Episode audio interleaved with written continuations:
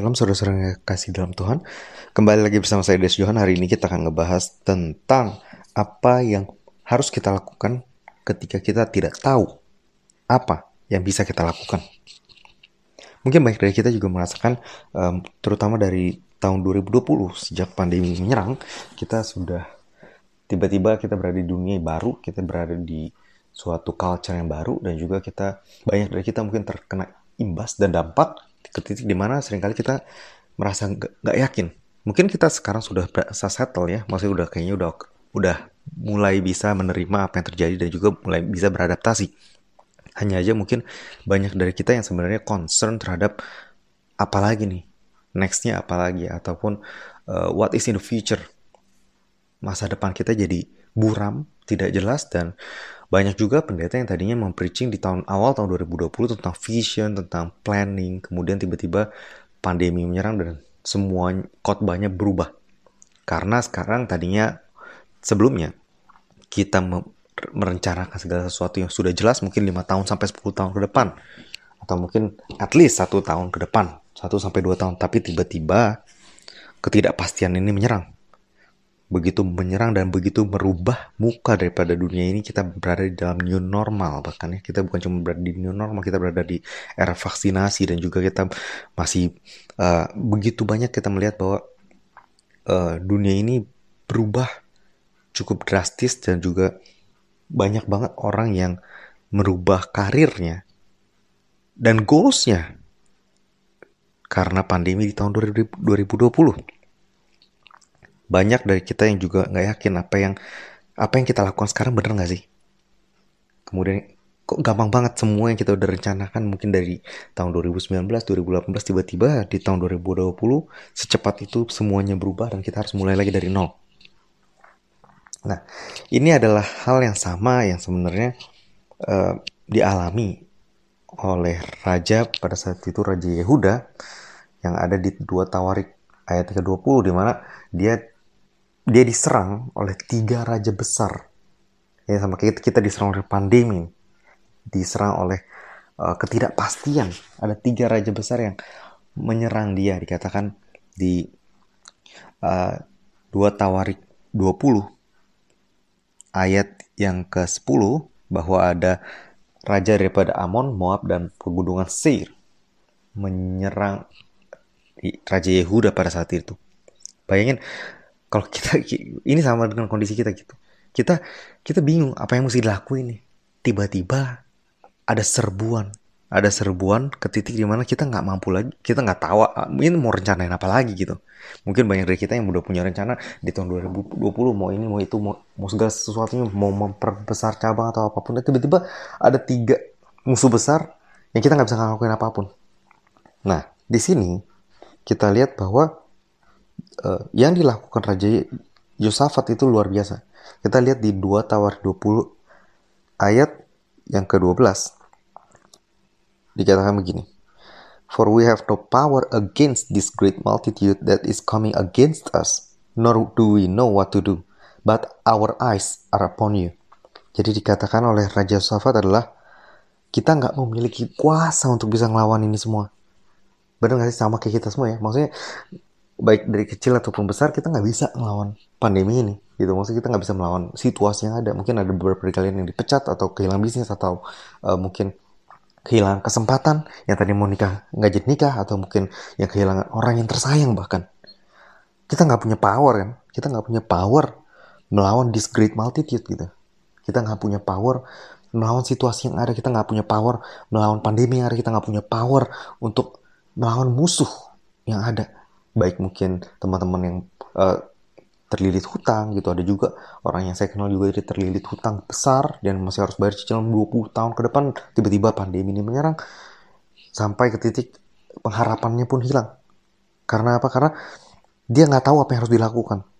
Dan begitu pula Raja Yosafat di sini. Kita lihat bahwa dia juga bingung. Gue nggak tahu lagi mesti ngapain. Ada tiga raja besar nyerang gue bahkan kayak istilahnya nih kalau dia ngumpulin semua orang yang ada di situ juga nggak mungkin menang. Karena ini satu lawan tiga gimana caranya? Dan kita juga mungkin sering kali berada di posisi bukannya kita nggak mau bertahan bukannya kita nggak nggak mau melawan tapi sering kali kita kita udah tahu kita masih kalah gitu. Maksudnya kita kita nggak bisa lawan kita nggak ini terlalu besar. Tapi thank God terima kasih Tuhan pada dua tawarik dikatakan di uh, Raja Yosafat memberitahu kepada kita semua apa yang harus dilakukan kita tidak tahu apa yang harus dilakukan tapi mata kita tertuju padamu wow ini adalah benar-benar sesuatu yang luar biasa banget yang dilakukan oleh Raja Yosafat. Ketika kita tidak tahu apa yang harus dilakukan, maka pandanglah kepada Kristus. Kalau boleh saya katakan adalah ketika kita nggak tahu lagi apa yang harus dilakukan, ketika segala sesuatunya nggak pasti, sering kali kita baca di Alkitab katakan bahwa cast your cares upon the Lord. Atau serahkanlah segala kekhawatiranmu kepada Tuhan, for he cares for, karena dia peduli. Jadi ketika kita melepaskan kekhawatiran kita, itu Tuhan nggak bodoh amat. Dia take care of it dan dia take action about it. Karena dia adalah kasih dan kasih tidak bisa dilepaskan daripada perbuatan. Kita nggak bisa bilang aku mengasihi kamu tapi kemudian kalau kamu lapar ya udah gue mengasihi lu. Diberkatilah. Nggak bisa kalau gue mengasihi lu benar-benar mengasihi lu maka gue akan kasih lu makan dan itulah juga yang dilakukan Tuhan ketika kita cast our cares to the Lord maka dia yang akan bertindak jadi ketika kita berada di situasi di mana kita nggak tahu apa yang harus kita lakukan, maka tempatkanlah Tuhan di tengah diri kita dan situasi yang kita hadapi. Sama seperti Raja Yosafat. Pembelaannya yang dia dapatkan adalah dari Tuhan. Karena apa? Karena kita kemudian lihat di 2 Tawar 20 ayat yang ke-20 ini tahun 2020 ya, 2020. Oke, okay? jadi dikatakan begini. Kemudian uh, they rose early in the morning and went into the wilderness of Tekoa and as they went out Jehoshaphat stood and stayed and said, Hear me, O Judah and inhabitants of Jerusalem. Believe in the Lord your God, and you shall be established. Believe his prophets, and you shall prosper. Jadi di sini dikatakan bahwa dia mengatakan kepada semua rakyatnya, percayalah kepada Tuhan, and you shall be established. Wow, ini luar biasa banget gitu. Di tengah situasi yang ada. Dia menguatkan semua rakyatnya untuk percaya kepada Tuhan. Dan dia begitu percaya ketika di mana kau akan establish, kau akan bertahan, kau akan mampu melewati segala sesuatunya. Ketika kita kapan? Percaya kepada Tuhan. Dan Tuhan benar-benar take honor, benar-benar respect apa yang Raja Yosafat katakan dan percaya padanya. Karena apa? Karena kita lihat bahwa ujung-ujungnya mereka kemudian, oh sorry, belum berhenti sampai di situ. Kita lihat bahwa di ayat yang ke-22, mereka mulai bernyanyi. Mereka mulai, when they began to sing and praise, ketika mereka mulai menyanyi dan menyembah, the Lord set ambush against the people of Ammon, Moab, and Mount Seir. Wow. Jadi ketika mereka mulai bernyanyi, kemudian Tuhan bertindak. Jadi apa yang harus kita lakukan ketika kita tidak tahu apa yang harus dilakukan? Yang pertama adalah menaruh Tuhan di antara kita dengan masalah kita.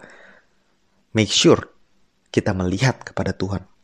Bukan melihat pada diri kita karena udah gak ada lagi yang bisa kita lihat. Sama seperti Raja Yosafat. Lawan tiga raja gak mungkin menang. Oke, okay? yang kedua yang bisa kita lakukan adalah di ayat yang ke-22. Mulailah menyanyi dan menyembah.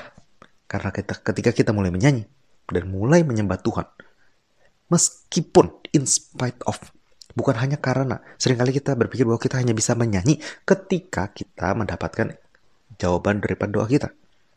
Ini sangat salah karena justru dengan menyanyilah kita akan mendapatkan jawaban doa. Seringkali begitu caranya. Karena kita berjalan dengan iman. Kalau kita berjalan dengan physical senses ataupun perasaan dan juga uh, fakta, maka kita akan berada di bawah belas kasihan daripada situasi. Benar gak sih? Jadi ketika situasinya baik, kita menyembah Tuhan. Ketika situasinya buruk, kita mengutuk Tuhan. No, justru sebaliknya. Ketika kita di situasi yang buruk, menyembahlah untuk bisa keluar dari situasi tersebut. Dikatakan bahwa di ayat 22, ketika mereka mulai menyanyi, Praise the Lord, for His mercy endures forever. Dan menyembah the Lord ataupun Tuhan Yahweh set ambush against. Jadi Tuhan bertindak melawan mereka bertiga.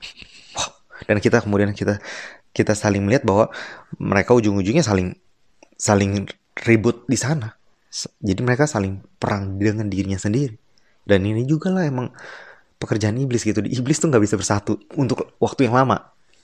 Oleh karena itu ujungnya mereka berantem sendiri. Nah, di sini kita pelajari bahwa ketika kita tidak tahu apa yang harus kita lakukan, yang pertama fokuskan mata kita kepada Tuhan. Percaya kepada Tuhan and you shall establish. Dan Tuhan akan memastikan kalau kita akan terus terus bertahan. Karena kita menang, kita mampu menanggung segala sesuatunya di dalam Kristus Yesus yang memberikan kita kekuatan. Dan yang kedua adalah menyanyilah sampai kita keluar dari masalah itu. Percaya kepada Tuhan. Ini artinya apa? Artinya kita harus bersyukur, kita harus terus menyanyi. Karena apa? Karena Tuhan ada bersama kita. In the high and the low. Dikatakan bahwa God is greater than the high and low. Tuhan kita lebih besar daripada puncak ketinggian ataupun lembah kekelaman. Dan dia selalu bersama-sama dengan kita. Jangan pernah berpikir bahwa Tuhan forsake us. Tuhan meninggal, karena dia sudah berjanji bahwa dia tidak akan pernah meninggalkan kita. Dan kita harus pegang dan percaya. Meskipun kita tidak melihat ataupun tidak menyadari, tidak tidak merasakan bahwa dia ada bersama kita. Namun dia ada bersama kita. Kenapa? Karena firmannya yang memperkatakan itu. Dan Yesus ataupun Tuhan itu tidak bisa berbohong. Jadi ketika kita tidak merasakan sesuatu, bukan berarti dia tidak ada. Dan sering kali, sama seperti Raja Yosafat, dia sampai sampai dia uh, pergi ke wilderness of Tekoa, itu belum ada yang terjadi. Jadi bayangin, sampai di detik-detik terakhir, hmm, di situlah Tuhan bekerja. Kenapa? Karena dia ingin melihat iman kita dulu. Raja Yosafat ini cuma ngomong doang atau dia benar-benar beriman. Dan kita lihat bahwa Raja Yosafat benar-benar percaya. Dia datang ke posisi di mana dia harus pergi. Dia pergi ke Teko, ya udah. Kalau memang kita harus interview pekerjaan, kita interview. Kalau memang kita harus buka bisnis, kita kita buka. Kalau memang nggak duit, ya kita uh, bisa bikin plannya dulu atau apa pun itu. Lakukan bagian kita. Sampai di detik terakhir, menyanyilah dan Tuhan bekerja. Mudah-mudahan uh, renungan hal ini bisa memberkati kita semua, terutama uh, untuk teman-teman yang berada di dalam lembah kekelaman saat ini. Percayalah bahwa di pengkhotbah tiga dikatakan bahwa ada segala ada season untuk segala sesuatu yang ada di bawah matahari. Ada joy morning, kemudian ada saatnya untuk memeluk, ada saatnya untuk berhenti memeluk. Semoga bisa memberkati kalian semua. Sampai ketemu minggu depan. See you and God bless you.